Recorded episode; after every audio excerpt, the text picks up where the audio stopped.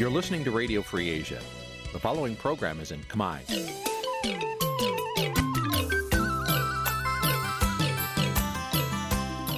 នេះជាកម្មវិធីផ្សាយ Vuthu Azizi Serai នេះជាកម្មវិធីផ្សាយរបស់ Vuthu Azizi Serai ជាភាសាខ្មែរ Vuthu Azizi Serai សូមស្វាគមន៍លោកអ្នកនាងទាំងអស់ពីរដ្ឋធានី Washington នៃសហរដ្ឋអាមេរិក។ ផ្សាយផ្ទាល់ពីរដ្ឋធានី Washington នាងខ្ញុំខែសុណងសូមជម្រាបសួរលោកនាងកញ្ញាប្រិយមិត្តអ្នកស្ដាប់វិទ្យុអាស៊ីសេរីទាំងអស់ជាទីមេត្រីចា៎យើងខ្ញុំសូមជូនកម្មវិធីផ្សាយសម្រាប់ព្រឹកថ្ងៃសៅរ៍14កើតខែមករាឆ្នាំឆ្លូវត្រីស័កពុទ្ធសករាជ2565ដែលត្រូវនឹងថ្ងៃទី18ខែធ្នូគ្រិស្តសករាជ2021ចា៎ជាដំបូងនេះសូមអញ្ជើញលោកនាងស្ដាប់ព័ត៌មានប្រចាំថ្ងៃដែលមានមេតិការដូចតទៅ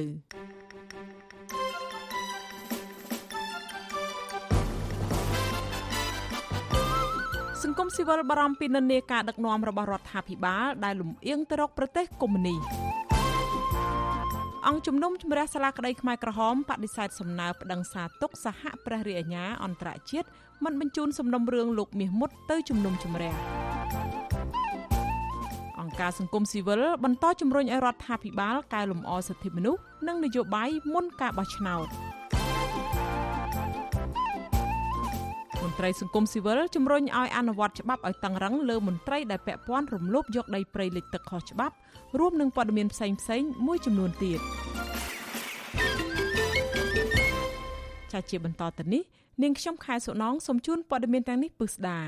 ចាលោករនាងជាទីមេត្រីមន្ត្រីសិទ្ធិមនុស្សបារម្ភពីជំហររដ្ឋាភិបាលក្នុងការគ្រប់គ្រងប្រទេសដែលងាកខ្លាំងទៅរកប្រទេសកុម្មុយនីសរួមមានចិននិងរុស្ស៊ីជាដើម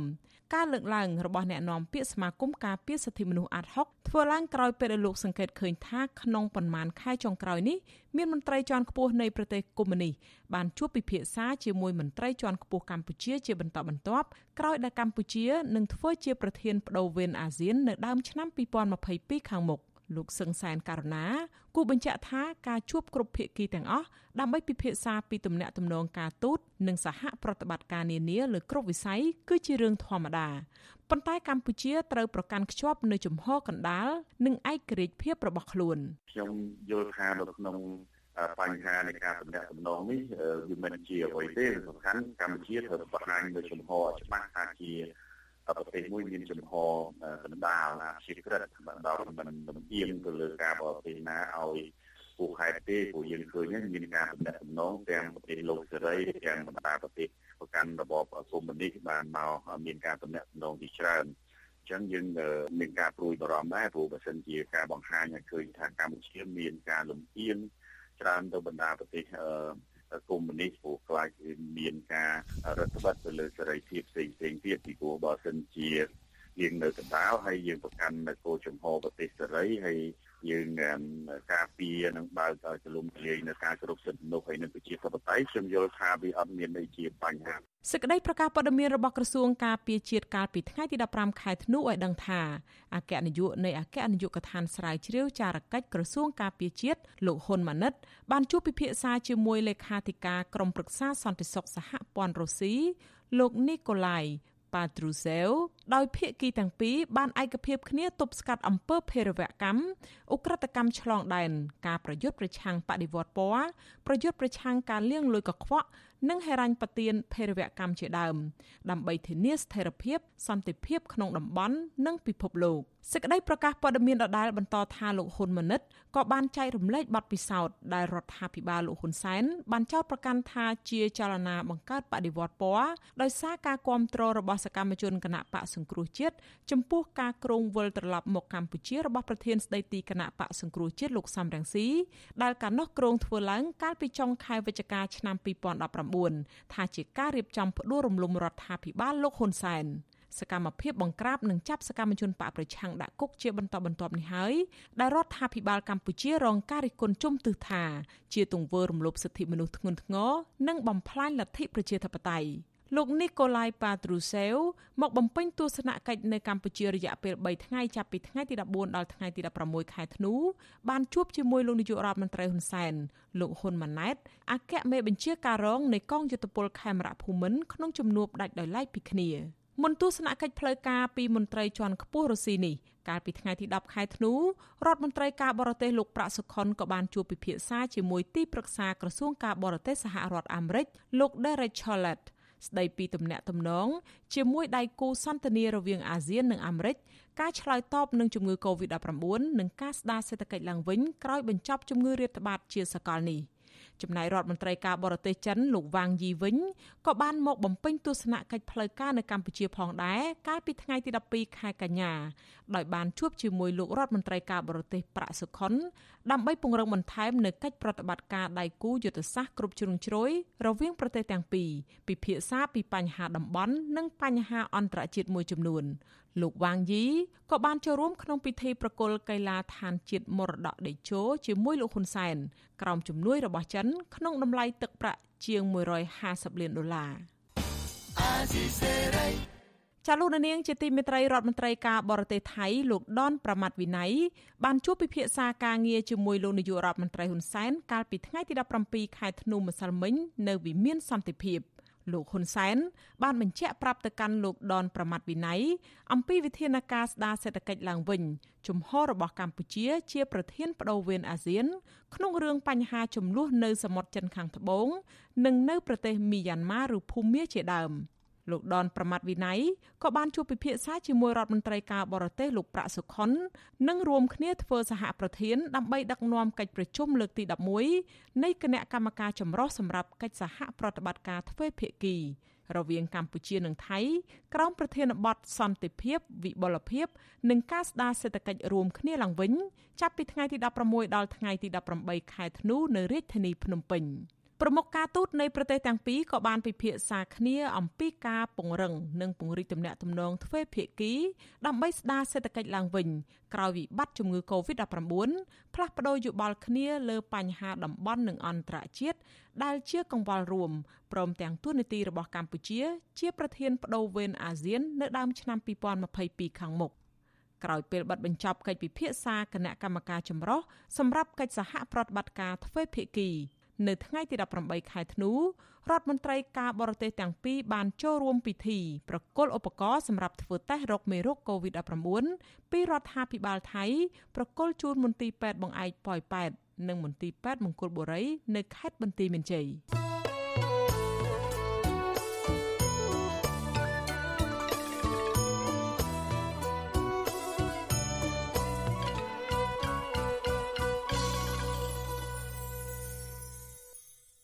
ចាលោកនាងជាទីមេត្រីប្រជាពលរដ្ឋនិងមន្ត្រីគណៈបកប្រឆាំងស្នើឲ្យអាជ្ញាធរស្រាវជ្រាវចាប់មេខ្លោងដែលជាប់ពាក់ព័ន្ធជាមួយជនជាតិចិនធ្វើរោងចក្រផលិតគ្រឿងញៀនចំនួន83តោននៅខេត្តកំពង់ស្ពឺ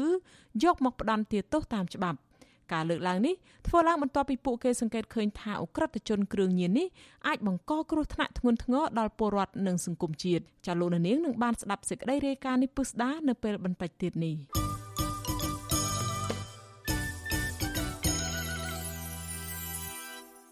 ចាលោករនាងជាទីមេត្រីតកតងទៅនឹងអង្គជំនុំជម្រះនៃសាលាក្តីខ្មែរក្រហមវិញអង្គជំនុំជម្រះតុលាការកំពូលនៃសាលាក្តីខ្មែរក្រហមសម្រាប់មិនបញ្ជូនសំណុំរឿង003ប្រឆាំងនឹងលោកមាសមុតទៅជំនុំជម្រះតាមបណ្ដឹងសារទុករបស់សហព្រះរាជអាជ្ញាអន្តរជាតិនោះទេនៅថ្ងៃទី17ខែធ្នូម្សិលមិញសេចក្តីសម្រេចរបស់តុលាការកំពូលប្រកាសថាសំណុំរឿង003ប្រឆាំងលោកមាសមុតនេះត្រូវបានគេបិទបញ្ចប់ សេចក្តីសម្រេចរបស់អង្គជំនុំជម្រះវិសាមញ្ញក្នុងតុលាការកម្ពុជាដដែលនេះបញ្ជាក់ថាការសម្រេចបដិសេធនេះធ្វើឡើងក្នុងគោលបំណងផ្ដាល់ការបំភ្លឺនិងសច្ចភាពផ្លូវច្បាប់ដើម្បីផ្ដាល់ប្រយោជន៍យុត្តិធម៌និងបានបដិសេធការយល់ឃើញថាអង្គបុរេជំនុំជម្រះប្រឆាំងមាសមុត នៅក្នុងសេចក្តីពិចារណាលើបណ្ដឹងឧទ្ធរប្រឆាំងនឹងដីកាដំណោះស្រាយរបស់ខ្លួនអង្គបុរេជំនុំជម្រះបានបញ្ចប់សំណុំរឿង003នៅពេលអង្គជំនុំជម្រះនេះបានចេញសេចក្តីពិចារណារបស់ខ្លួនសំណុំរឿង003នេះត្រូវបានបញ្ចប់ដោយសារគ្មានដីកាបញ្ជូនរឿងទៅជំនុំជម្រះស្ថាពរនិងអនុវត្តបានសំណុំរឿង003ប្រឆាំងលោកមាសមុតនេះត្រូវបានចៅក្រមស៊ើបអង្កេតជាតិអន្តរជាតិ ធ្លាប់បានបដិសេធសំណើរបស់សហព្រះរាជអាជ្ញាអន្តរជាតិមិនបញ្ជូនរឿងលោកមាសមុតទៅជំនុំជម្រះទេកាលពីថ្ងៃទី20ខែឧសភាសហចៅក្រមអះអាងក្នុងសេចក្តីសម្រេចមិនបញ្ជូនរឿងលោកមាសមុតទៅជំនុំជម្រះនេះថាបានបញ្ជាក់ច្បាស់នៅក្នុងសេចក្តីសម្រេចរបស់សហចៅក្រមជាតិនៃអង្គបូរេជំនុំជម្រះកាលពីថ្ងៃទី7ខែមេសាដែលបានបិទផ្លូវតវ៉ា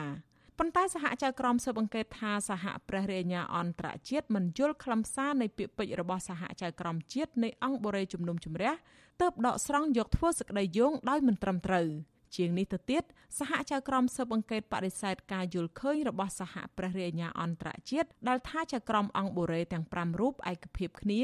និងមានសម្លេងស្របគ្នាជាឯកច្ឆន្ទថា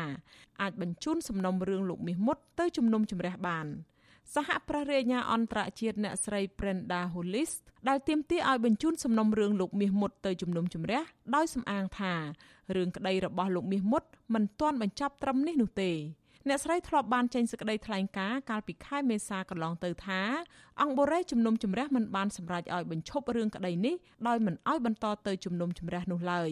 អ្នកស្រីយងលើសំអាងថាយ៉ាងហោចណាស់មានចៅក្រមអង្គបូរេជំនុំជម្រះ5នាក់ ក្នុងចំណោម7នាក់យល់ស្របថាដីកាបញ្ជូនរឿងលោកមាសមុតទៅជំនុំជម្រះមានសុពលភាពដូច្នេះបំពេញតាមលក្ខខណ្ឌតម្រូវការសម្រាប់សម្លេងភាកច្រើនលើសលប់លោកមាសមុតអាយុ83ឆ្នាំមានស្រុកកំណើតនៅក្នុងខេត្តកំពតបច្ចុប្បន្នលោករស់នៅក្នុងខេត្តបាត់ដំបងលោកត្រូវបានចោទប្រកាន់ថាធ្លាប់ជាកម្មាភិបាលជាន់ខ្ពស់ក្នុងរបបខ្មែរក្រហមដោយមានតួនាទីជាសមាជិកគណៈមជ្ឈិមបកជាលេខាធិការរង ជាលេខាកងពល164និងជាលេខាស្វ័យយ័តនៅកំពង់សោម thank you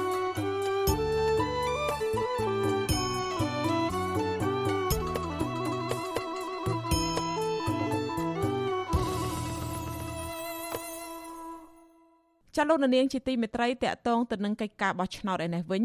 អ្នកធ្វើការងារតកតងទៅនឹងការបោះឆ្នោតជំរុញទៅរដ្ឋាភិបាលលើកកម្ពស់ការគោរពសិទ្ធិពលរដ្ឋ និងសិទ្ធិនយោបាយនិងបើកលំហសេរីភាពនយោបាយឡើងវិញដើម្បីបង្កើតបរិយាកាសល្អសម្រាប់ការបោះឆ្នោតនាពេលខាងមុខការលើកឡើងបែបនេះក្រោយពេលលោកនាយករដ្ឋមន្ត្រីហ៊ុនសែនបានណែនាំឲ្យមានការត្រៀមលក្ខណៈសម្រាប់ការបោះឆ្នោតឆ្នាំ2022និងឆ្នាំ2023ខាងមុខក្រុមអង្គការសង្គមស៊ីវិលដែលធ្វើការងារតាក់ទងការបោះឆ្នោតលើកឡើងថា ការបើកលំហនយោបាយជាផ្នែកមួយសំខាន់ក្នុងការធ្វើឲ្យការបោះឆ្នោតនាពេលខាងមុខមានគណៈបកច្រើននិងគណៈបកដែលជាគូប្រកួតប្រជែងជាមួយគណៈបកកណ្ដាលអំណាចអាចចូលរួមក្នុងការបោះឆ្នោតនោះបាន។នាយកប្រតិបត្តិអង្គការឃ្លាំមើលការបោះឆ្នោតនៅកម្ពុជាហៅកាត់ថា Netflix លោកសំគុណធីមីជំរុញទៅរដ្ឋាភិបាលគួរបើកលំហនយោបាយឡើងវិញដោយផ្ដល់សិទ្ធិធ្វើនយោបាយដល់មន្ត្រីគណៈបកប្រឆាំងដែលជាប់បំរាមបើអ្នកទាំងនោះស្នើសុំសិទ្ធិធ្វើនយោបាយ លោកក៏ចង់ឲ្យមានការអនុញ្ញាតដល់គណៈបកនយោបាយដែលស្នើសុំធ្វើនយោបាយអាចធ្វើសកម្មភាពនយោបាយបានលោកបន្តថាសង្គមប្រជាធិបតេយ្យចាំបាច់ត្រូវមានការចូលរួមធ្វើនយោបាយពីគ្រប់ភាគីហើយការអនុវត្តបែបនេះគឺបានផ្ដល់ផលប្រយោជន៍ច្រើនដល់ពលរដ្ឋម្ចាស់ឆ្នោត និងផលប្រយោជន៍ជាតិផងដែរ ដល់សិផលប្រយោជន៍វាមាន check and balance ណាបាទចង់និយាយថាវាមានតលយៈភាពមិនមែនដូចយើងយើងនិយាយថាភាសាសាមញ្ញថាជីសេះលេងដៃណានឹងមិនអាចធ្វើកើតទេព្រោះអីបាទវាមាន check balance ណាដូចថាមុននឹងធ្វើអីត្រូវគិតផលប្រយោជន៍ជាប្រវត្តិព្រោះឆន្ទៈប្រជាពលរដ្ឋតាដែលបោះឆ្នោតឲ្យមនុស្សអង្គុយហ្នឹងណាស្រដៀងគ្នានេះដែរអ្នកសម្របសម្រួលផ្នែកអង្គការរបស់អង្គការឃ្លាំមើលការបោះឆ្នោត Confrel លោកកនសវាងសង្កេតឃើញថាបរិយាកាសនយោបាយមុនការបោះឆ្នោតនៅតែមានភាពអាប់អួរដោយសកម្មជននយោបាយបកប្រឆាំងមួយចំនួន កំពុងរងការចោទប្រកាន់តាមផ្លូវតុលាការហើយគណៈបកនយោបាយមួយចំនួនទៀតមិនទាន់អាចធ្វើសកម្មភាពរបស់ខ្លួនពេញលេញនៅឡើយ។លោកលើកឡើងទៀតថានៅក្នុងសង្គមប្រជាធិបតេយ្យរដ្ឋាភិបាលមានទួនាទីក្នុងការលើកកម្ពស់ប្រជាធិបតេយ្យសេរីពហុបកសិទ្ធិមនុស្សនិងបរិយាកាសនយោបាយល្អ ការបារម្ភផ្នែកនយោបាយនឹងពងរួមទាំងជាប្រដ្ឋនឹងក៏គាត់មានការព្រួយបារម្ភរឿងមានថាអស់គេហៅទឹកចិត្តក្នុងការចូលរួមនៅរឿងបញ្ហាពាក់ព័ន្ធជាមួយនឹងរឿងការបោះឆ្នោតថែមទៀតអញ្ចឹងទៅនឹងហើយចំណុចអីត្រូវការស្ដារឡើងវិញបាទសំណើរបស់ក្រុមអង្គការសង្គមស៊ីវិលនេះ ធ្វើឡើងក្រោយពេលលោកនាយករដ្ឋមន្ត្រីហ៊ុនសែនបានថ្លែងនៅក្នុងកិច្ចប្រជុំគណៈរដ្ឋមន្ត្រីកាលពីថ្ងៃទី16ខែធ្នូដោយលោកបានណែនាំឲ្យត្រៀមលក្ខណៈសម្បត្តិឲ្យបានគ្រប់គ្រាន់សម្រាប់ការបោះឆ្នោតជ្រើសរើសក្រុមប្រឹក្សាឃុំសង្កាត់ឆ្នាំ2022និងការបោះឆ្នោតជ្រើសរើសតំណាងរាស្ត្រឆ្នាំ2023ខាងមុខអ្នកនាំពាក្យរដ្ឋាភិបាលលោកផៃស៊ីផានឲ្យវិទ្យុអាស៊ីសេរីដឹងបន្ថែមនៅថ្ងៃទី17ធ្នូថាការលើកឡើងរបស់លោកហ៊ុនសែនសំដៅលើការងារបកប៉ុណ្ណោះ ចំណែកតកតងសំណើរបស់មន្ត្រីសង្គមស៊ីវិលដែលជំរុញឲ្យរដ្ឋាភិបាលកែលម្អសិទ្ធិមនុស្សសិទ្ធិនយោបាយនិងប្រជាធិបតេយ្យឡើងវិញលោកផៃស៊ីផានចោទប្រកាន់ថានេះគ្រាន់តែជាការលើកឡើងដដែលៗដើម្បីដាក់កំហុសលើរដ្ឋាភិបាល។ ពិបាកនឹងវាយតម្លៃពីព្រោះគេមាននិន្នាការនយោបាយឲ្យតែអ្នកនឹងស្របច្បាប់ចុះឈ្មោះនគរចបលោកអាចធ្វើសកម្មភាពបានតែអត់មានអីពាក់ព័ន្ធនឹងរដ្ឋាភិបាលទេពីព្រោះទាំងអស់គ្នានឹងមានច្បាប់បោះឆ្នោតហើយពាក់ព័ន្ធនឹងក្រសួងមហាផ្ទៃទៅធ្វើបែបបត់ស្អីចឹងទៅប្រកាសតែជាគណៈបកបានចុះឈ្មោះរួចហើយយើងធ្វើសកម្មភាពបានតា ការបោះឆ្នោតជ្រើសរើសក្រុមប្រឹក្សាឃុំសង្កាត់អាណត្តិទី5នឹងប្រព្រឹត្តទៅនាថ្ងៃទី5ខែមិថុនាឆ្នាំ2022ខាងមុខកាលពីពេលថ្មីថ្មីនេះក្រុមអង្គការសង្គមស៊ីវិលជាង60ស្ថាប័នបានរួមគ្នាចេញសេចក្តីថ្លែងការណ៍ស្នើឲ្យមានការកែលម្អបញ្ហា6ចំណុចដើម្បីឲ្យមានលក្ខខណ្ឌអំណោយផលសម្រាប់ការបោះឆ្នោតខាងមុខក្នុងនោះរួមមាន បរិយាកាសនយោបាយសេរីសិទ្ធិនយោបាយសិទ្ធិឈរឈ្មោះបោះឆ្នោតឆន្ទៈអ្នកបោះឆ្នោត និងសិទ្ធិបោះឆ្នោតបន្ថែមពីនេះក៏ស្នើឲ្យសមាជិកគណៈកម្មាធិការជាតិរៀបចំការបោះឆ្នោតកម្លាំងប្រដាប់អាវុធនិងតុលាការមានភាពឯករាជ្យនិងអព្យាក្រឹតនិងមានការចូលរួមឃ្លាំមើលពីអង្គការសង្គមស៊ីវិលរួមទាំងប្រព័ន្ធផ្សព្វផ្សាយឯករាជ្យផងដែរ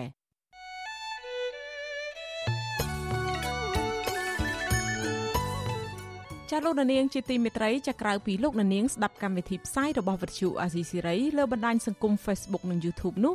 ចាលោកនាងក៏អាចស្ដាប់កម្មវិធីផ្សាយរបស់យើងដំណើរគ្នាតាមរយៈរលក ធាតុអាកាសខ្លីឬ Shortwave តាមកម្រិតនិងកម្ពស់ដូចតទៅនេះពេលព្រឹកចាប់ពីម៉ោង5កន្លះដល់ម៉ោង6កន្លះតាមរយៈរលក ធាតុអាកាសខ្លី9390 kHz ស្មើនឹងកម្ពស់ 32m និង11800 kHz ស្មើនឹងកម្ពស់ 25m ពេលយប់ចាប់ពីម៉ោង7កន្លះដល់ម៉ោង8កន្លះតាមរយៈរលកធាតុអាកាសខ្លី9390 kHz ស្មើនឹងកម្ពស់ 32m និង15155 kHz ស្មើនឹងកម្ពស់ 20m ចាសសូមអរគុណចាលោកនាងកញ្ញាជាទីមេត្រីចាតកតងទៅនឹងការតវ៉ារបស់ពលរដ្ឋដែលពាក់ព័ន្ធនឹងបញ្ហាទំនាស់ដីធ្លីនេះវិញពលរដ្ឋខេត្តកណ្ដាលនិងខេត្តតាកែវជិត200នាក់ បាននាំគ្នាទៅដាក់ញត្តិនៅឯរដ្ឋសភាកាលពីថ្ងៃទី17ខែធ្នូម្សិលមិញដើម្បីសុំឲ្យស្ថាប័ននីតិបញ្ញត្តិមួយនេះអន្តរាគមន៍ទៅលោកនាយករដ្ឋមន្ត្រីហ៊ុនសែនដើម្បីជួយដោះស្រាយវិវាទដីធ្លីជាមួយក្រុមហ៊ុន OCIC ក្នុងគម្រោងសាងសង់ប្រលានយន្តហោះថ្មីពលរដ្ឋបញ្ជាក់ថាក្រុមហ៊ុន បានឈូសឆាយដោយមិនទាន់ទិញដីពីពលរដ្ឋក្នុងតម្លៃសមរម្យនៅឡើយ។មន្ត្រីសង្គមស៊ីវិលជំរុញដល់អាជ្ញាធរពាក់ព័ន្ធជាពិសេសភាគីក្រុមហ៊ុន គួរពន្លឿននិងបញ្ចប់វិវាទដីធ្លីជូនពលរដ្ឋឲ្យបានឆាប់បើពុំដូច្នេះទេ បញ្ហានេះបន្តប៉ះពាល់ដល់ជីវភាពរបស់ពួកគាត់ថែមទៀតផងចាសសូមអញ្ជើញលោកនាងស្ដាប់សេចក្តីរាយការណ៍របស់លោកទីនសាការីយ៉ាអំពីរឿងនេះបរដ្ឋមានចំនួនដីធ្លីមកពីឃុំបឹងខ្ចាងឃុំអំពៅព្រៃឃុំប្រាច់ស្លែងក្នុងស្រុកកណ្ដាលស្ទឹងខេត្តកណ្ដាលនិងឃុំពុតសស្រុកបាទីខេត្តតាកែវបាននាំគ្នាដាក់ញត្តិនៅរដ្ឋសភានាព្រឹកថ្ងៃទី17ធ្នូដើម្បីសុំអន្តរាគមន៍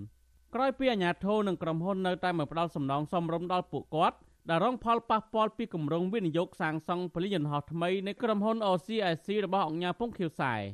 តំណាងប្រជាពលរដ្ឋលោកស្រីខឹមម៉ាលីប្រាប់វិទ្យុអសិរ័យថាប្រជាពលរដ្ឋជិត200នាក់សម្រេចចិត្តឡើងមកដាក់ញត្តិនៅរដ្ឋសភាពេលនេះដោយសារតែភាគីក្រុមហ៊ុននិងអាជ្ញាធរនៅតែកំណត់តម្លៃដីត្រឹមតែ8ដុល្លារក្នុង1ម៉ែត្រការ៉េ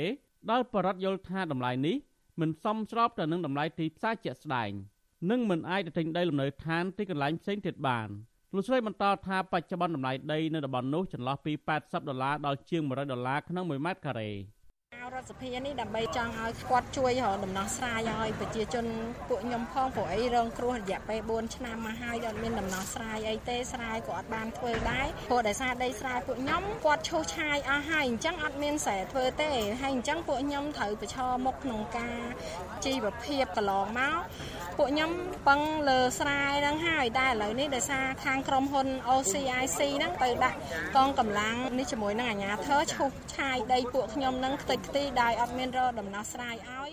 តំណាងប្រមម្នាក់ទៀតលើកឡើងថាបរដ្ឋបានដាក់ញត្តិស្វែងរកកិច្ចអន្តរាគមន៍ជាច្រើនស្ថាប័នមកហើយប៉ុន្តែពួកគាត់នៅតែមិនទទួលបានដំណោះស្រាយណាមួយដើម្បីបញ្ចប់ចំនួនដីធ្លីនេះទេ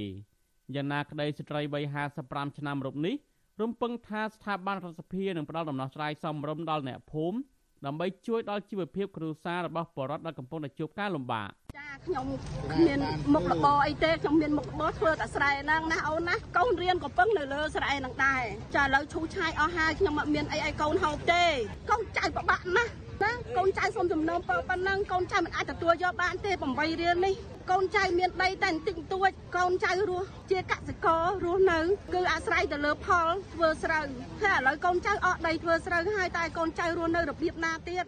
មន្ត្រីរដ្ឋសភាអនុញ្ញាតឲ្យតំណាងបរដ្ឋចំនួន4នាក់ចូលដាក់ញត្តិប៉ុន្តែមិនបានសន្យាអ្វីនោះទេដោយគ្រាន់តែតម្រូវឲ្យបរដ្ឋបំពេញឯកសារបន្ថែមតែប៉ុណ្ណោះអ្នកនាំពាក្យរដ្ឋសភាលោកលេងពេញឡុងប្រាប់ថាញត្តិរបស់បរដ្ឋនេះ ត្រូវបានបញ្ជូនទៅគណៈកម្មការជំនាញហើយក្នុងករណីចាំបាច់គណៈកម្មការជំនាញរដ្ឋសភាអាចកោះហៅបរដ្ឋមកបំភ្លឺបន្ថែមទៀតគាត់ទទួលពាក្យ ទទួលញ៉ាំនឹងហើយគាត់ពិនិត្យញ៉ាំនឹងហើយគាត់នឹងពិចារណាមើលថាតើតើគួរចាត់វិធានការបែបណាបាទស្ដីថាអាចនឹងស្នើសុំឲ្យភាគីពាក់ព័ន្ធបញ្យលយ៉ាងម៉េចអ្មិញឬក៏ណែដោះស្រាយរបៀបម៉េចបើជាតាមគោលការណ៍គេថាបើសិនជាវាតឹងតែងខ្លាំងគេអាចអញ្ជើញភាគីនឹងមកសួរនាំផ្ទាល់អីក៏បានដែរបាទគម្រោងអភិវឌ្ឍប្រលានយន្តហោះថ្មីលើផ្ទៃដីជិត3000ហិកតា មានភាពចម្រុងចម្រាស់តាំងពីដើមមក ដោយសារតែអាជ្ញាធរបានកំណត់តម្លៃដីក្នុង1ម៉ែត្រការ៉េចន្លោះពី3ដុល្លារដល់8ដុល្លារ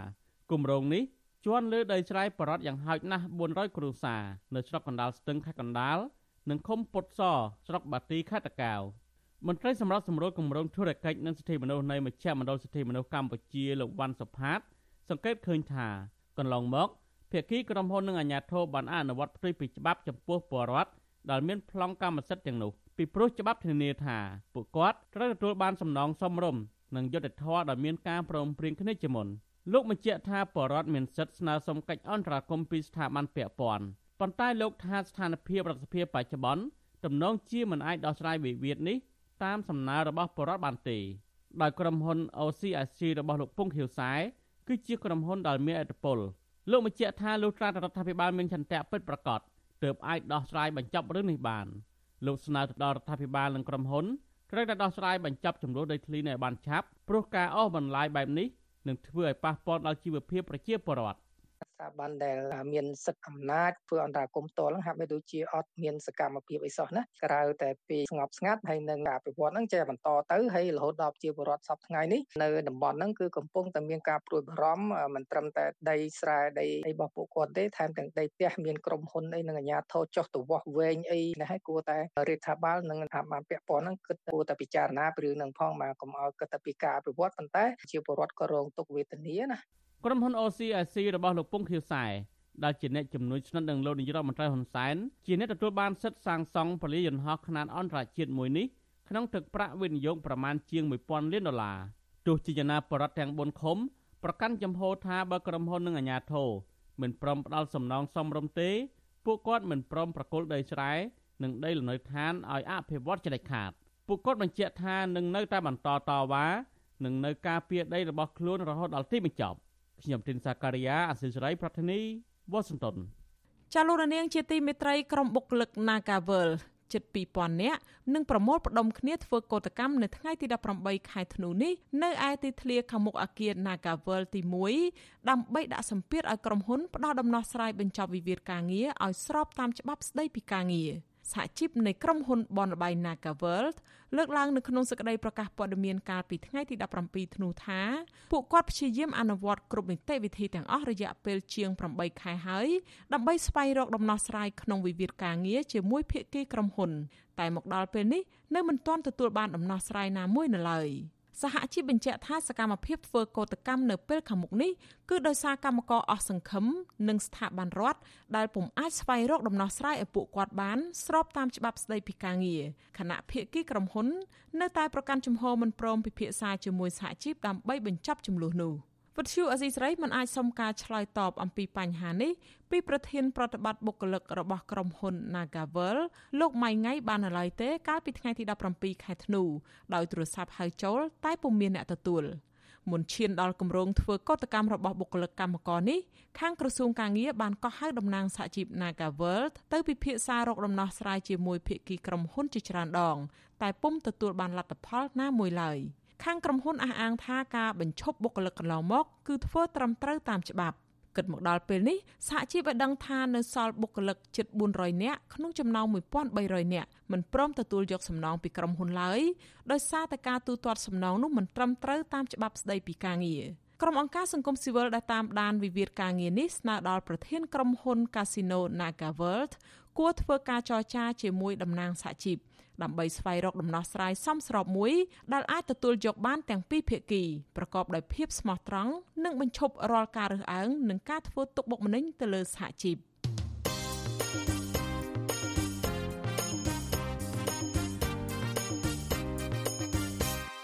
ចាលោកនាងកញ្ញាប្រិមមអ្នកស្ដាប់ជាទីមេត្រីមន្ត្រីសង្គមស៊ីវិលបន្តជំរុញឲ្យរដ្ឋាភិបាលនិងតុលាការអនុវត្តច្បាប់ឲ្យបានតឹងរឹងលើមន្ត្រីរដ្ឋាភិបាលទាំងឡាយណាដែលមានជាប់ពាក់ព័ន្ធករណីរំលោភយកដីព្រៃលិចទឹកបំពានច្បាប់ការលើកឡើងនេះក្រោយពីអង្គភាពប្រឆាំងអំពើពុករលួយបានឃាត់ខ្លួនមេប៉ូលីស2នាក់នៅខេត្តកំពង់ឆ្នាំងមកសួរនាំពាក់ព័ន្ធនឹងករណីរំលោភយកដីព្រៃលិចទឹកក្នុងតំបន់បឹងទន្លេសាបចាអ្នកស្រីម៉ៅសុធានីរាយការណ៍ព័ត៌មាននេះ មន្ត្រីសង្គមស៊ីវិលលើកឡើងថាការខាត់ខ្លួនមន្ត្រីប៉ូលីសខេត្តកំពង់ឆ្នាំង2នាក់មកសាកសួរពីសំណាក់អង្គភាពប្រឆាំងអំពើពុករលួយនោះគឺនៅមិនទាន់គ្រប់ជ្រុងជ្រោយនៅឡើយទេព្រោះមានអាជ្ញាធរក្រុមអង្គញាអ្នកមានឥទ្ធិពល និងមន្ត្រីរដ្ឋាភិបាលជាច្រើនអ្នកទៀតមានជាប់ពាក់ព័ន្ធករណីទន្ទ្រានដីព្រៃលិចទឹកនេះ មន្ត្រីសម្របសម្រួលសមាគមអាត់ហុកខេត្តកំពង់ឆ្នាំងលោកស៊ុំច័ន្ទគាមើលឃើញថាចំណាត់ការរបស់រដ្ឋាភិបាលធ្វើឡើងហាក់ដូចជាយឺតបន្តិច ព្រោះដីព្រៃលិចទឹកបានទទួលរងការបំផ្លិចបំផ្លាញធ្ងន់ធ្ងរទៅរដ្ឋាភិបាលចាត់វិធានការតាមក្រោយលោកសំណុំពរអរដ្ឋាភិបាលត្រូវអនុវត្តច្បាប់លើអាជ្ញាធរនិងមន្ត្រីរដ្ឋាភិបាលផ្សេងផ្សេងទៀតដែលបណ្ដាច់បណ្ដោយឲ្យកើតមានបាត់ល្មើសក្រិតប្រៃឈើក្នុងដែនសមត្ថកិច្ចរបស់ខ្លួនស្របតាមក្រមព្រហ្មទណ្ឌ បើបានដឹងហើយហើយអត់ធ្វើការរាយការណ៍អញ្ចឹងតំណាងអាយកានឹងគួរតែផ្ដើមចោតទៅលើមន្ត្រីទាំងអស់នោះហើយយកមន្ត្រីទាំងអស់នោះដើម្បីដាក់ទោសបើមិននឹងទេមន្ត្រីទាំងអស់នោះគឺបដែតបដោយគេឲ្យទៅការពារនឹងគឺធ្វើដោយអជ័យអញ្ចឹងអ្នកណាកាប់អីធ្វើអីតាមនឹងទៅអត់ដាក់ទោសអញ្ចឹងទៅការបដែតបដោយនេះនៅតែបន្តទៅទៀតបាទ ត្រដៀងគ្នានេះប្រធានផ្នែកកម្មវិធីស្រាវជ្រាវនឹងតស៊ូមតិនៃសមាគមបណ្ដាញយុវជនកម្ពុជា លោកហេងកំហុងថ្លែងថាអ្នកមានអំណាចនិងមន្ត្រីរដ្ឋាភិបាលមួយចំនួន តែងតែប្រែអត្តពលមុខងាររបស់ខ្លួនកាប់បំផ្លាញធនធានធម្មជាតិនិងកាន់កាប់ទ្រព្យរបស់រដ្ឋដោយខុសច្បាប់ លោកក៏បានជំរុញអរដ្ឋាភិបាលត្រូវអនុវត្តច្បាប់ឲ្យតឹងរឹង ចំពោះជនទាំងឡាយណាដែលកេងប្រវ័ញ្ចទ្រព្យរបស់រដ្ឋដោយខុសច្បាប់លោកក៏ចង់ឃើញថាសមត្ថកិច្ចនិងអាជ្ញាធររដ្ឋាភិបាលថ្នាក់មូលដ្ឋាន យកចិត្តទុកដាក់ការពារធនធានធម្មជាតិឬក៏ប្រៃលិចទឹកឲ្យមានប្រសិទ្ធភាពយូរកុំចាំតែមានបទបញ្ជាពីថ្នាក់លើទៅអនុវត្តច្បាប់ ភាពថ្នាក់ជាតិដែលទទួលមុខការចំពោះរឿងនេះហ្នឹងបាទគួរតែបញ្ជូនកម្លាំងរបស់ខ្លួនធ្វើការស៊ើបអង្កេតរកមន្ត្រីពាក់ព័ន្ធទៀតដែលមិនព្រមអនុវត្តច្បាប់ហើយបណ្ដេតបណ្ដោយឲ្យមានបទល្មើសទាំងអស់នេះកើតឡើង ការអំពាវនាវរបស់ក្រមមន្ត្រីអង្គការសង្គមស៊ីវិលនេះគឺធ្វើឡើងក្រោយដែលអង្គភាពប្រឆាំងអំពើពុករលួយ បានខាត់ខ្លួនជនសង្ស័យ2នាក់កាលពីថ្ងៃទី16ខែធ្នូគឺស្នងការរងខេត្តកំពង់ឆ្នាំងលោកសុំសុជាតិនិងម្នាក់ទៀតឈ្មោះកៅណារុនដែលមានតួនាទីជាប្រធានការិយាល័យអន្តរាគមនៃស្នងការដ្ឋាននគរបាលខេត្តកំពង់ឆ្នាំង តាក់ទិនករណីកាន់កាប់ព្រៃលិចទឹកនៅតំបន់3ក្នុងស្រុកកំពង់លែងខេត្តកំពង់ឆ្នាំងចាអ្នកនាំពាក្យស្នងការដ្ឋាននគរបាលខេត្តកំពង់ឆ្នាំងលោកអៀប៊ុនធឿនប្រាប់វិទ្យុអសីស្រីថានគរបាលពីររូបនេះត្រូវបានអង្គភាពប្រឆាំងអំពើពុករលួយខាត់ខ្លួន និងសួរនាំនៅរាជធានីភ្នំពេញក៏ប៉ុន្តែលោកសុំមិនផ្ដល់ព័ត៌មានលម្អិតបន្ថែមទៀតនោះទេ ក៏បាខេត្តកំពង់ឆ្នាំងនេះបញ្ជូនគាត់ទៅអង្គភាពប្រឆាំងពើពុកមួយនៅរាជធានីភ្នំពេញដើម្បីសួរនាំឬក៏ចាត់នីតិវិធីមិនចឹងណាក្រៅពីនេះខ្ញុំអត់ដឹងទេវិទ្យុអសីស្រីមិនទាន់អាចតតងសុំការបំភ្លឺរឿងនេះពីប្រធានអង្គភិបប្រឆាំងអំពើពុករលួយលោកអោមយិនទៀងនិងអ្នកនាំពាក្យអគ្គស្នងការដ្ឋាននគរបាលជាតិលោកឆាយកឹមខឿនបាននៅឡើយទេ នៅថ្ងៃទី17ខែធ្នូដោយសារតែទូរស័ព្ទហៅចូលច្រើនដងតែគ្មានអ្នកទទួល។ តាក់ទងរឿងនេះដែរប្រធានរាជបណ្ឌិតសភាកម្ពុជា ដែលមានឋានៈស្មាររដ្ឋមន្ត្រីលោកសុកទូចបានថ្លែងជាសាធារណៈកាលពីថ្ងៃទី16ខែធ្នូថាគ្រាន់តែតំបន់បឹងទន្លេសាបមួយកន្លែងក្នុងខេត្តកំពង់ធំត្រូវគេរំលោភបំពានយកដីព្រៃលិចទឹកអស់ទំហំជាង100,000ហិកតាប៉ុន្តែអ្នកបំពេញទាំងនោះបែរជាឆ្លើយថារំលោភត្រឹមតែ3000ហិកតាប៉ុណ្ណោះ ចំណែកព្រៃលិចទឹកនៅតំបន់បឹងទន្លេសាបក្នុងខេត្តសៀមរាបវិញលោកក៏បានអះអាងថាក៏ត្រូវបានគេរំលោភបំពានអស់រាប់ម៉ឺនហិកតាដែរប៉ុន្តែជនបង្កបែរជាឆ្លើយថាត្រឹមតែ2000ហិកតាប៉ុណ្ណោះចឹងសូមឲ្យនិយាយការពិតហើយយើងត្រូវតែរួមគ្នាធ្វើឲ្យបឹងទន្លេសាបคล้ายជាជាកន្លែងមានត្រីដ៏ល្អសម្រាប់ផលប្រយោជន៍នៃយុវជននៃកូនរបស់យើងដូនតារបស់យើងមិនដែលទិញត្រីគេញ៉ាំទេប៉ុន្តែពេលនេះយើងទិញគេ នាយករដ្ឋបាលអង្គការបណ្ដាញការពារទន្លេ3លោកលៀងប៊ុនលៀបពន្យល់ថាការថែរក្សាព្រៃលិចទឹកផ្ដល់សារៈសំខាន់ណាស់ដល់ត្រីនិងជីវៈចម្រុះសម្រាប់ពងកូន និងជាកន្លែងផ្ដល់ប្រភពអាហារចាំបាច់លោកផ្ដល់ទស្សនៈថាព្រៃលិចទឹកដែលរដ្ឋាភិបាលរឹបអូសគួរតែដាំដើមឈើឡើងវិញនិងបង្កើនយន្តការថែទាំព្រៃលិចទឹកដែលនៅសល់ចុងក្រោយឲ្យគង់វង្ស បន្តឲ្យមានប្រយោជន៍ទឹកឡើងវិញជាចំណែកមួយសំខាន់ក្នុងការបង្កើនទិន្នផលជលផលឡើងវិញបាទរួមគ្នាអបអរសាទរព្រមទានការនឹងបាទនៅខេត្តកំពង់ឆ្នាំងសកម្មភាពកັບទទានដីប្រៃលិចទឹកអស់ជាច្រើនពាន់ហិកតាកើតមាននៅក្នុងស្រុកចំនួន3គឺស្រុកកំពង់លែងស្រុកជលការីនិងស្រុកកំពង់ឆ្នាំងជាប់តំបន់បឹងទលេសាប មន្ត្រីសង្គមស៊ីវិលមើលឃើញថាសកម្មភាពកັບទន្ទ្រានដីប្រៃលិចទឹកទ្រង់ទ្រាយធំនេះអាចធ្វើទៅបាន គឺដោយសារមានជាប់ពាក់ព័ន្ធអាជ្ញាធរនិងមន្ត្រីជំនាញជាច្រើនទៀតពុំមែនមានតែនគរបាលពីរូបនោះដែលត្រូវបានខាត់ខ្លួននៅពេលនេះនោះទេរបាយការណ៍របស់ក្រសួងដែនដីចេញផ្សាយនៅថ្ងៃទី17ខែធ្នូ ឲ្យដឹងថានៅរយៈពេលជិត3សប្តាហ៍មកនេះមានប្រជាប្រដ្ឋចំនួនជាង9000គ្រួសារនៅក្នុងខេត្តចំនួន6បានឯកភាពប្រកួតដីព្រៃលិចទឹក ដែលខ្លួនបានកាប់ទន្ទ្រានសរុបជាង40000ហិកតាប្រកួតជូនដល់រដ្ឋាភិបាលវិញ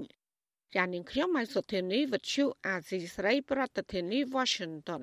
ចាលោកនាងកញ្ញាប្រិមនៈស្ដាប់ជាទីមេត្រីចាងាកទៅសេចក្តីរាយការណ៍តាក់ទងទៅនឹងក្តីក្តាំរបស់អ្នកកាសែតវិញម្ដង ចាងវាងកាសែតជាតិខ្មែរលោករស់សុខិតស្នើសុំតុលាការកំពូលដោះលែងរូបលោកឲ្យមានសេរីភាពឡើងវិញខណៈទោសជាប់ពន្ធនាគារនៅសល់តែ11ថ្ងៃទៀតនឹងផុតកំណត់ តុលាការកំពូលកាលពីថ្ងៃសុក្រទី17ខែធ្នូម្សិលមិញបានបើកសវនាការលើបណ្ដឹងសារទុកមេធាវីការពារក្តីឲ្យលោករស់សុខិតក្រោយពីសាឡាវធរបានដំកល់សេចក្តីសម្រេចរបស់សាលាដំបងរាជធានីភ្នំពេញទុកជាបានការដដែល លោករស់សុខិតប្រាប់ទៅក្រុមប្រឹក្សាជំនុំជម្រះតុលាការកំពូលថាសារដែលសរសេរនៅលើទំព័រ Facebook របស់លោកមិនមានចេតនាញុះញង់បង្កភាពវឹកវរដល់សន្តិសុខសង្គមឡើយពីព្រោះគ្រាន់តែជាសារបញ្ចេញមតិនិងចង់ឲ្យអ្នកតាមដានលើ Facebook ចាប់អារម្មណ៍លើ page របស់ខ្លួនតែប៉ុណ្ណោះលោករស់សុខិត ត្រូវបានកសែតក្នុងស្រុកដកស្រង់សម្ដីថាការចោទប្រកាន់និងការចាប់ខ្លួនលោកដាក់ពន្ធនាគាររហូតដល់18ខែនេះជារឿងអយុត្តិធម៌សម្រាប់រូបលោកនិងក្រុមគ្រួសារសាលាដំបងរាជធានីភ្នំពេញកាលពីខែមិថុនាឆ្នាំ2020បានផ្តន្ទាទោសចាងវាងកាសែតជាតិខ្មែររូបនេះដាក់ពន្ធនាគារ1ឆ្នាំនិង8ខែ និងពិន័យជាប្រាក់ចំនួន2លានរៀលពាក់ព័ន្ធទៅនឹងការបង្ហោះសារ ដកស្រង់សម្ដីរបស់លោកហ៊ុនសែនដែលប្រកាសលើកទឹកចិត្តឲ្យធនាគារនិងគ្រឹះស្ថានមីក្រូហិរញ្ញវត្ថុរឹបអូសទ្រព្យសម្បត្តិចំពោះពលរដ្ឋក្រីក្រ ដែលជឿទៅលើការឃោសនារបស់ពួកក្រុមបកប្រឆាំងនៅក្រៅប្រទេសក្នុងអំឡុងការរាតត្បាតនៃជំងឺ Covid-19 មេធាវីការពារក្តីឲ្យលោករស់សុខិតគឺលោកសំសុគង្គបានប្រាប់ក្រុមអ្នកសារព័ត៌មានថាគោលបំណងនៃការប្តឹងសារទុកនេះ គឺស្នើឲ្យតុលាការកំពូលសម្រាលទោសហើយលុបចោលប្រាក់ពិន័យ2លានរៀលនិងសុំសម្ភារៈដូចជាកុំព្យូទ័រទូរស័ព្ទដៃដែលសមត្ថកិច្ចរឹបអូសយកមកវិញផងដែរប្រធានក្រុមប្រឹក្សាជំនុំជម្រះនៃតុលាការកំពូលលោកនិលណុនក្រុងប្រកាសសាលដីកានៅថ្ងៃទី24ខែធ្នូខាងមុខ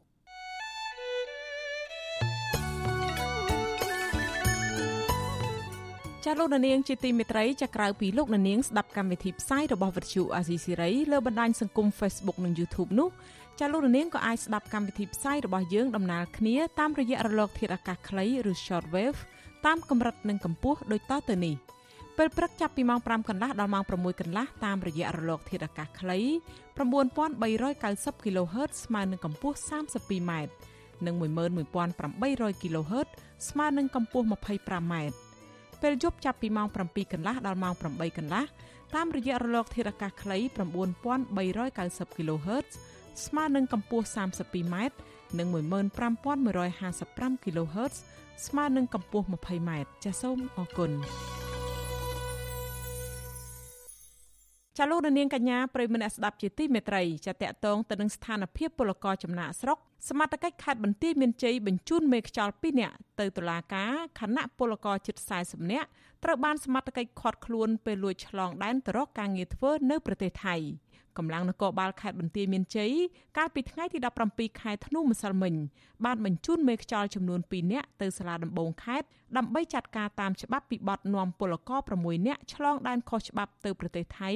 តាមចំណុចភូមិប្រាសាទត្បែងឃុំបន្ទាយឆ្មាស្រុកថ្មពួក ចំណែកនៅឯស្រុកម៉ាឡៃវិញសមត្ថកិច្ចក៏បានទប់ស្កាត់ពលករខ្មែរប្រុសស្រីចំនួន32នាក់ផ្សេងទៀតពេលពួកគេបំរុងលួចឆ្លងដែនទៅប្រទេសថៃកាលពីយប់ថ្ងៃទី16ខែធ្នូនៅចំណុចភូមិបឹងបេងឃុំបឹងបេងអ្នកទាំងនោះត្រូវបានសមត្ថកិច្ចឃាត់ខ្លួននិងឲ្យធ្វើកិច្ចសន្យា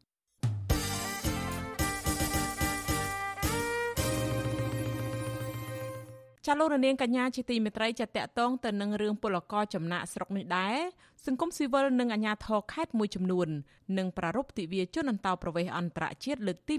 22ក្រោមប្រធានបទបញ្ហាប្រឈមរបស់ពលករចំណាក់ស្រុកអំឡុងពេលរីករាលដាលនៃជំងឺ Covid-19 នៅថ្ងៃទី18ខែធ្នូនេះ។មជ្ឈមណ្ឌលសម្ព័ន្ធភាពការងារនិងសិទ្ធិមនុស្សហៅកាត់ថាសង្ត្រាល់រួមជាមួយអ្នកប្រឹក្សាយោបល់សុវត្ថិភាពបណ្ដាញពលករខ្មែរប្រចាំប្រទេសថៃរួមទាំងអាជ្ញាធរមូលដ្ឋាន និងប្រារព្ធទិវាជនអន្តោប្រវេសន៍អន្តរជាតិនេះក្នុងបំណងជំរុញលើកកម្ពស់ការយល់ដឹងពីសិទ្ធិពលករចំណាក់ស្រុកនិងការអនុវត្តគោលនយោបាយគាំពៀសង្គមដែលផ្ដោតទៅលើតម្រូវការជាមូលដ្ឋានរបស់ពលករចំណាក់ស្រុកពិសេសក្នុងពេលកម្ពុជាកំពុងជួបវិបត្តិ COVID-19 ចាទិវានេះនឹងរៀបចំចំនួន18កន្លែងនៅក្នុងខេត្តចំនួន5គឺខេត្តបាត់ដំបង បន្ទាយមានជ័យសៀមរាបនិងខេត្តព្រះវិហារដែលមានអ្នកចូលរួមសរុបជិត1000នាក់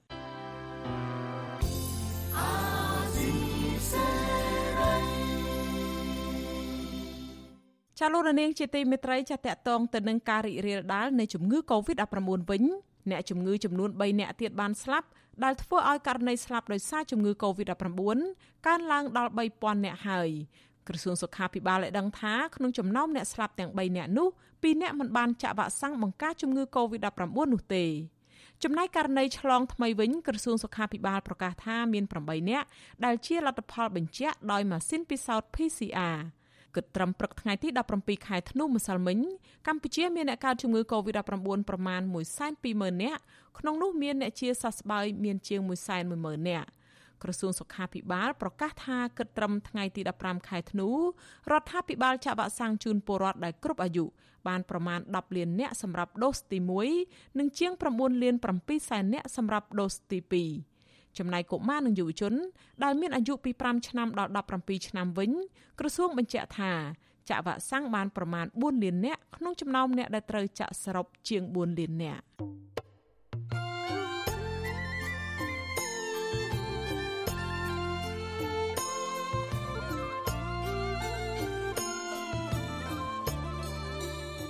ចាលោកនាងកញ្ញាជាទីមេត្រីក្រៅពីលោកនាងតាមដានកម្មវិធីផ្សាយរបស់វិទ្យុអាស៊ីសេរី តាមបណ្ដាញសង្គម Facebook YouTube Telegram ចាលោកនាងក៏អាចស្វែងរកព័ត៌មានតាមរយៈបណ្ដាញសង្គម Instagram របស់វិទ្យុអាស៊ីសេរីបាន តាមរយៈតំណភ្ជាប់ www.instagram.com/rfa ខ្មែរវិទ្យុអាស៊ីសេរីបន្តខិតខំផ្សព្វផ្សាយព័ត៌មានពិតទៅកាន់បងប្អូន តាមបណ្ដាញសង្គមផ្សេងផ្សេងនិងសម្បូរបែបដើម្បីឲ្យលោកនាងងាយស្រួលតាមដានការផ្សាយរបស់វិទ្យុអាស៊ីសេរីបានគ្រប់ពេលវេលានិងគ្រប់ទីកន្លែងតាមរយៈទូរស័ព្ទដៃរបស់លោកនាងចាសសូមអរគុណ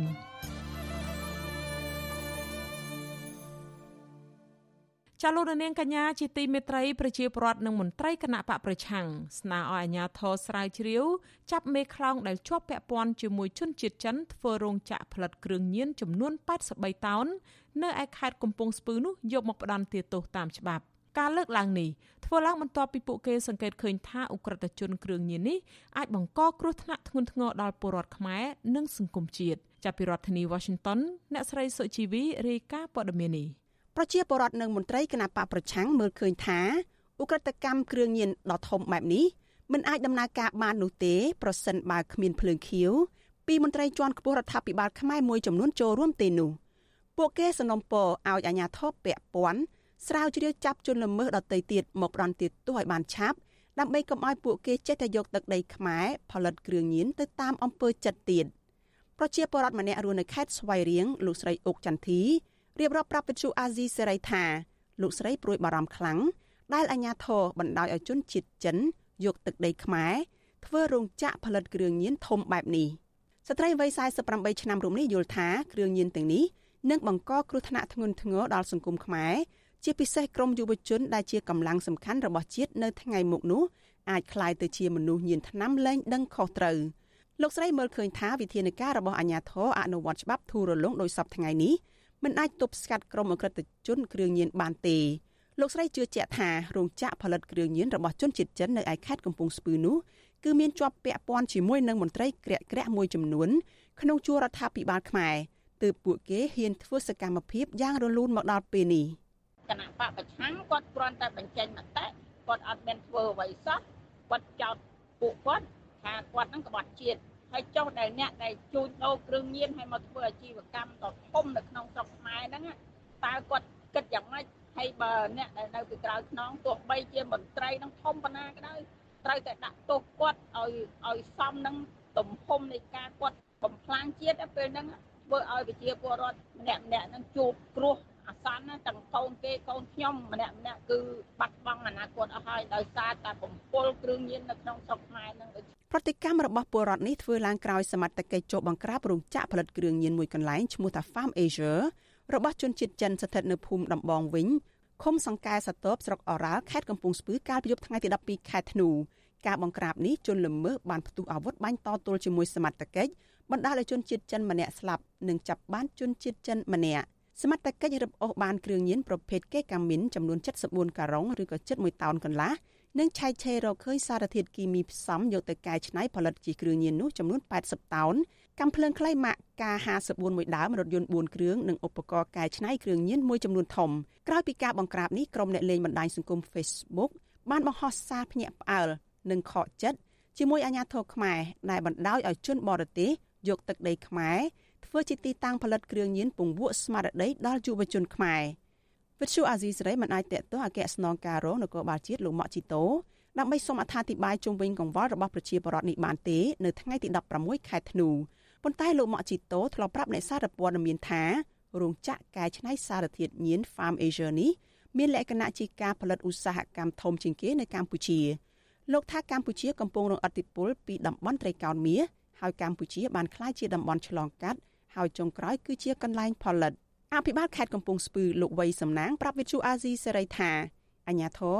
បានតាមដានរកមេខ្លោងផលិតគ្រឿងញៀនរបស់ជនជាតិចិននេះប្រមាណ2ខែមកហើយមុននឹងឈានដល់ការបង្ក្រាបលោកឲ្យដឹងថាមេខ្លោងអ ுக ្រិតជនគ្រឿងញៀននេះជាជនជាតិចិនមានបណ្ដាញនៅខេត្តកណ្ដាលខេត្តប្រស័យអនុរាជធានីភ្នំពេញកោះកុងនិងខេត្តកំពង់ស្ពឺហើយមកដល់ពេលនេះអាជ្ញាធរចាប់បានជនល្មើសជាង10នាក់ហើយ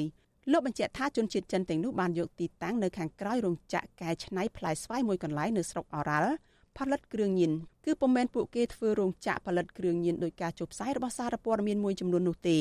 លោកបន្តថាអាជ្ញាធរក៏កំពុងស្រាវជ្រាវតាមចាប់អ្នកពាក់ព័ន្ធផ្សេងទៀតដែរចំណែកគ្រឿងញៀនដែលសមត្ថកិច្ចចាប់បាននោះលោកថាបានរក្សាទុកនៅទីតាំងដើមមួយរយៈសិនដើម្បីរកមន្ត្រីជំនាញកំទេចចោលនៅពេលឆាប់ឆាប់ខាងមុខនេះ។ ចង់និយាយថារឿងនេះគឺខ្ញុំមានបណ្ដាញសម្ងាត់របស់ខ្ញុំប៉ុន្តែយើងប្រាប់អានីតិវិធីដល់ផ្សាយទៅពួកអានោះវាមិនដឹងវាមិនកិច្ចវេះអញ្ចឹងបានខ្ញុំមិនព្រមប្រាប់អំពីវិធីសាស្ត្រនៃការរុករកនៃការអង្កេតនៃការតាមឃ្លាំមើលរបស់មន្ត្រីខ្ញុំទេតែយើងផ្សាយចេញទៅវាធ្វើឲ្យអាជនទុច្ចរិតវាភ្ញាក់ផ្អើលវារត់គេចបាត់នៅក្នុងកន្លែងរឿងផ្សេងផ្សេងទៀតដែលយើងត្រូវធ្វើយើងត្រូវធ្វើទោះយ៉ាងណាអនុប្រធានគណៈបកសង្គ្រោះជាតិលោកអេងឆៃអៀងសង្ស័យថា មានមន្ត្រីជាន់ខ្ពស់រដ្ឋាភិបាលមួយចំនួននៅពីក្រោយខ្នងនៃការផលិតគ្រឿងញៀនដ៏សម្បើមនេះព្រោះលោកមើលឃើញថារោងចក្រដ៏ធំបែបនេះជនជាតិចិនទាំងនោះមិនអាចធ្វើសកម្មភាពបានដោយងាយស្រួលនោះទេប្រសិនបើពុំមានភ្លើងខៀវពីអាជ្ញាធរខ្មែរនោះលោកបញ្ជាក់ថាអាជ្ញាធរដែលចាប់ជនល្មើសបានជាង10នាក់នោះគឺនៅមិនទាន់គ្រប់គ្រាន់នោះទេព្រោះអាជ្ញាធរមិនបានចាប់មន្ត្រីរដ្ឋាភិបាលណាម្នាក់ដែលពាក់ព័ន្ធនឹងបញ្ហានេះមកផ្ដន់ទាទោសនៅឡើយទេ ព្រោះអានឹងដោយសារយើងខាងច្បាស់មានការពាក់ព័ន្ធច្បាស់ជាអ្នកមានអំណាចនៅពីក្រោយខ្នងអញ្ចឹងហើយបានយើងឃើញអាវិធានការរបស់អាជ្ញាធរនឹងវាហាក់បីដូចមិនមានប្រសិទ្ធភាពចំពោះការបង្ក្រាបគ្រឿងញៀនទេយើងឃើញមានហើយកើតកើតចុះកើតឡើងធ្វើចុះវិលឡើងអដែរគេអដែរហ្នឹងវាមិនទេអស់ហើយដល់មានការនៅខ្លះដូចករណីថ្មីថ្មីនេះវាត្រឹមពេកធំវាមើលទៅដូចវាដែលថាមិនគួរឲ្យជឿថាជនជាតិចិននឹងអាចមកធ្វើរោងចក្រឲ្យបានបើអត់មានខ្នងបង្អែកនឹង ជុំវិញរឿងនេះប្រធានអង្គការបណ្ដាញយុវជនកម្ពុជាលោកអ៊ុលវ៉ាន់យល់ថាការបង្ក្រាបអក្រិតជនគ្រឿងញៀនយ៉ាងច្រើនសម្បើមបែបនេះកាន់តែឆ្លុះបញ្ចាំងឲ្យឃើញថាជនជាតិចិនទាំងនោះបានយកប្រទេសកម្ពុជាធ្វើជាឧបករណ៍ដើម្បីផលិតគ្រឿងញៀនសម្រាប់បង្កើតមុខជំនួញថ្មីរបស់ពួកគេលោកបន្តថាបញ្ហានេះកើតឡើងដោយសារតែអាជ្ញាធរមិនសូវយកចិត្តទុកដាក់បង្ក្រាបគ្រឿងញៀននិងមិនបានត្រួតពិនិត្យល្អិតល្អន់ទៅលើជនបរទេសដែលកំពុងស្នាក់នៅកម្ពុជា លោកបញ្ជាក់ថាគ្រឿងញៀនទាំងនោះប្រសិនបើជនល្មើសចាយចាយទៅមូលដ្ឋាន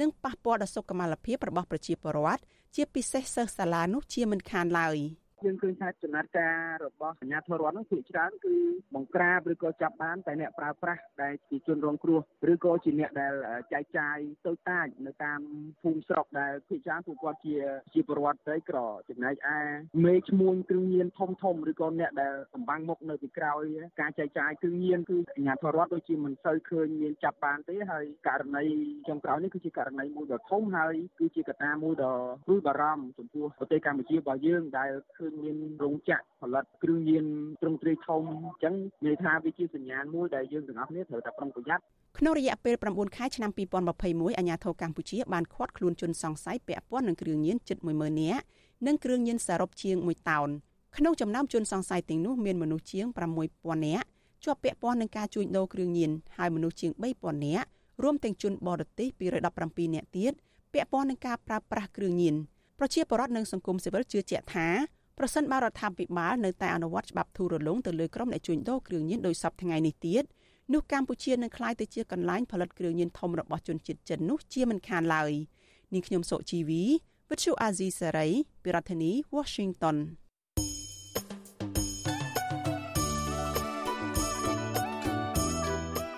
ចាលោករនាងកញ្ញាប្រិមមអ្នកស្ដាប់ជាទីមេត្រីលោករនាងកំពុងស្ដាប់ការផ្សាយរបស់វិទ្យុអាស៊ីសេរីផ្សាយចេញពីរដ្ឋធានី Washington នៃសហរដ្ឋអាមេរិកនៅក្នុងឱកាសនេះដែរនាងខ្ញុំសូមថ្លែងអំណរគុណដល់លោកនាងកញ្ញាទាំងអស់ដែលតែងតែមានភក្ដីភាពចំពោះការផ្សាយរបស់យើងហើយចាត់ទុកការស្ដាប់វិទ្យុអាស៊ីសេរីគឺជាផ្នែកមួយនៃសកម្មភាពប្រចាំថ្ងៃរបស់លោកនាង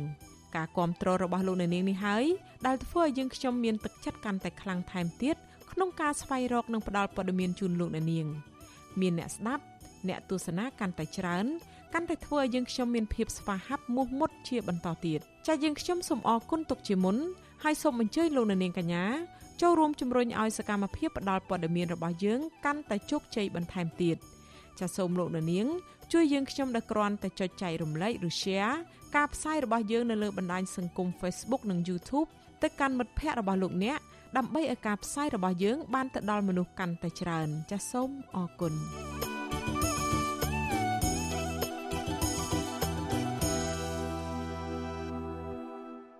ចាលោករនាងកញ្ញាជាទីមេត្រីសហព័ន្ធខ្មែរកម្ពុជាក្រោមនិងអង្គការសិទ្ធិមនុស្សអន្តរជាតិស្នើសហគមន៍អន្តរជាតិប្រើឥទ្ធិពលរបស់ខ្លួនជំរុញឲ្យរដ្ឋាភិបាលវៀតណាម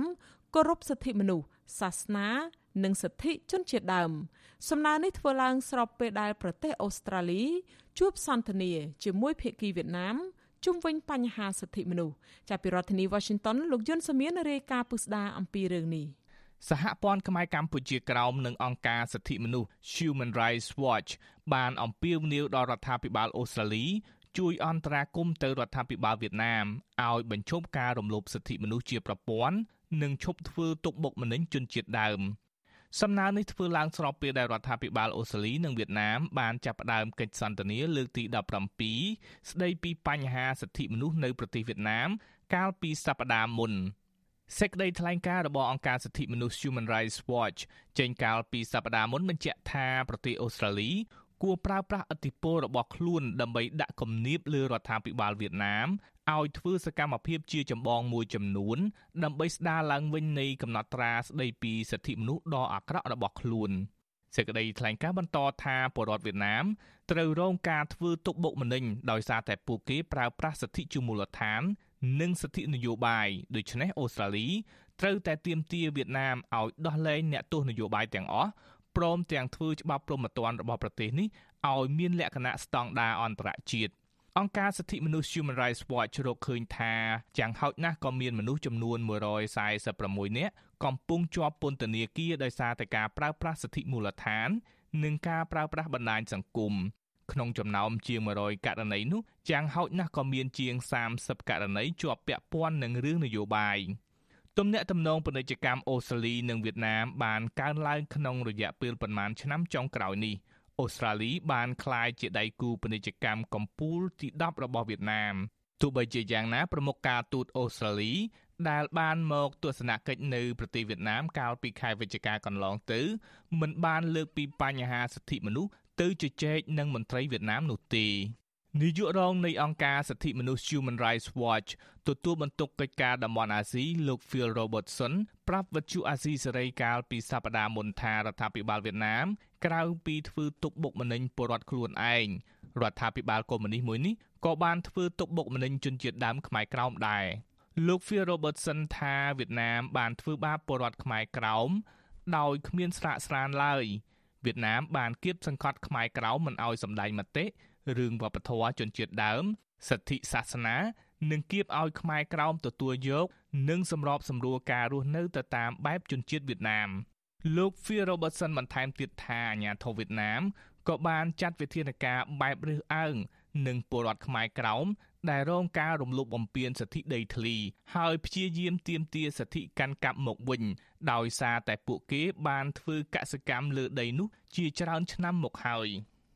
យ៉ាងហោចណាស់ក៏មានកសិករខ្មែរក្រៅម្នាក់ត្រូវបានអាជ្ញាធរវៀតណាមចាប់ដាក់ពន្ធនាគាររយៈពេលច្រើនឆ្នាំនិង2នាក់ទៀតនឹងត្រូវគេចាប់ដាក់ពន្ធនាគារដោយសារតែពួកគេតវ៉ាអហិង្សា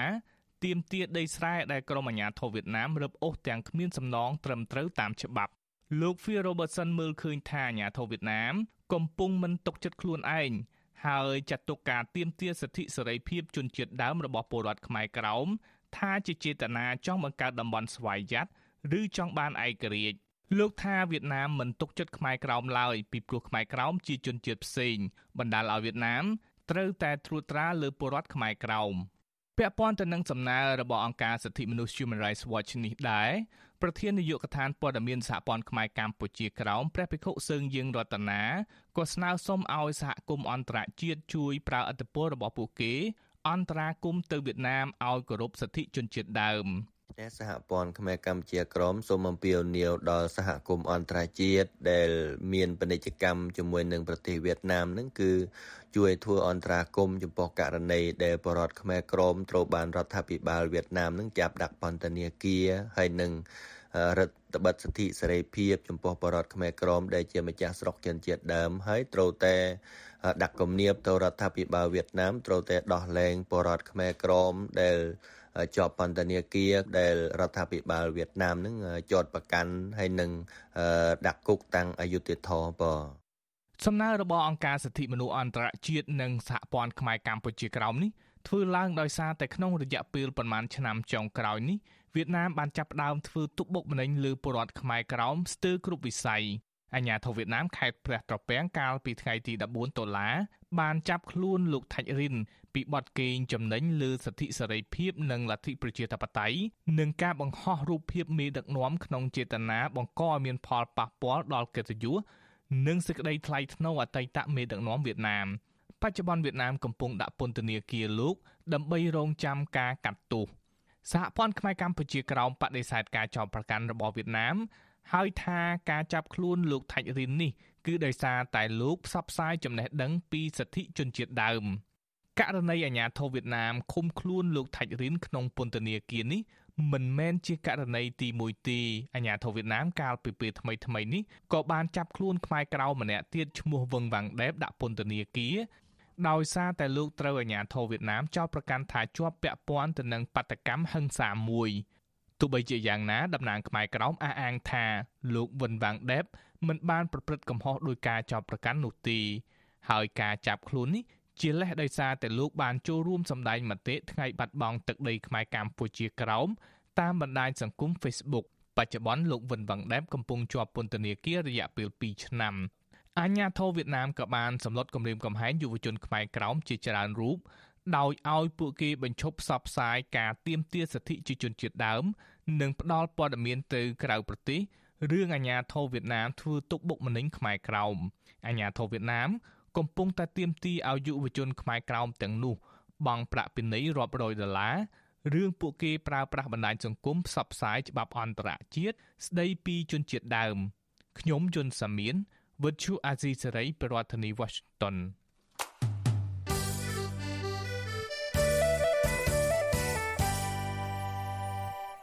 ចាលោករនាងជាទីមេត្រីជាបន្តទៅនេះនាងខ្ញុំខែសុណងសូមជូនព័ត៌មានបញ្ចប់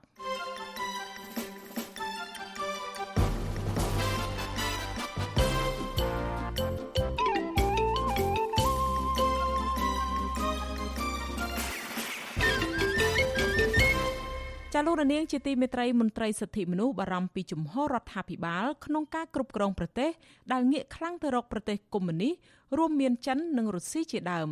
ការលើកឡើងរបស់អ្នកនាំពាក្យសមាគមការពារសិទ្ធិមនុស្សអាត់ហុកធ្វើឡើងក្រោយពេលដែលលោកសង្កេតឃើញថាក្នុងប៉ុន្មានខែចុងក្រោយនេះមានមន្ត្រីជាន់ខ្ពស់នៃប្រទេសកុម្មុយនីសបានជួបពិភាក្សាជាមួយមន្ត្រីជាន់ខ្ពស់កម្ពុជាជាបន្តបន្ទាប់ក្រោយដែលកម្ពុជានឹងធ្វើជាប្រធានបដូវវេនអាស៊ាននៅដើមឆ្នាំ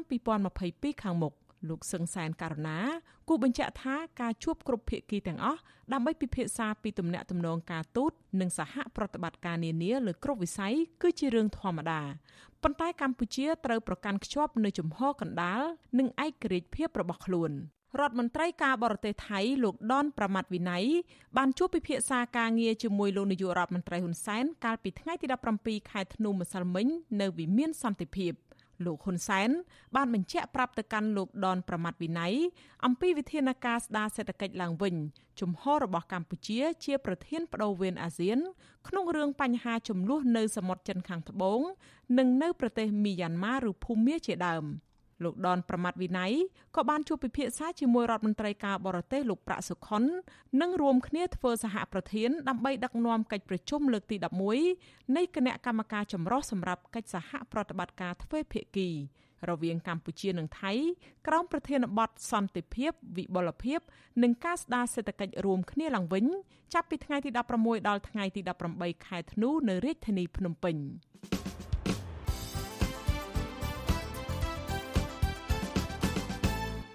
ចាលោកនាងកញ្ញាជាទីមេត្រីលោកនាងកំពុងតាមដានស្ដាប់ការផ្សាយរបស់វិទ្យុអាស៊ីសេរីចាការផ្សាយរបស់យើងនៅពេលនេះបានឈានមកដល់ទីបញ្ចប់ហើយនាងខ្ញុំសូមជូនពរដល់លោកនាងកញ្ញាទាំងអស់ឲ្យជួបប្រកបតែនឹងសេចក្តីសុខចម្រើនរុងរឿងកុំបីឃ្លៀងឃ្លាតឡើយចាសម្រាប់ពេលនេះនាងខ្ញុំខែសុណងព្រមទាំងក្រុមការងារទាំងអស់នៃវិទ្យុអាស៊ីសេរីសូមអរគុណនិងសូមជម្រាបលា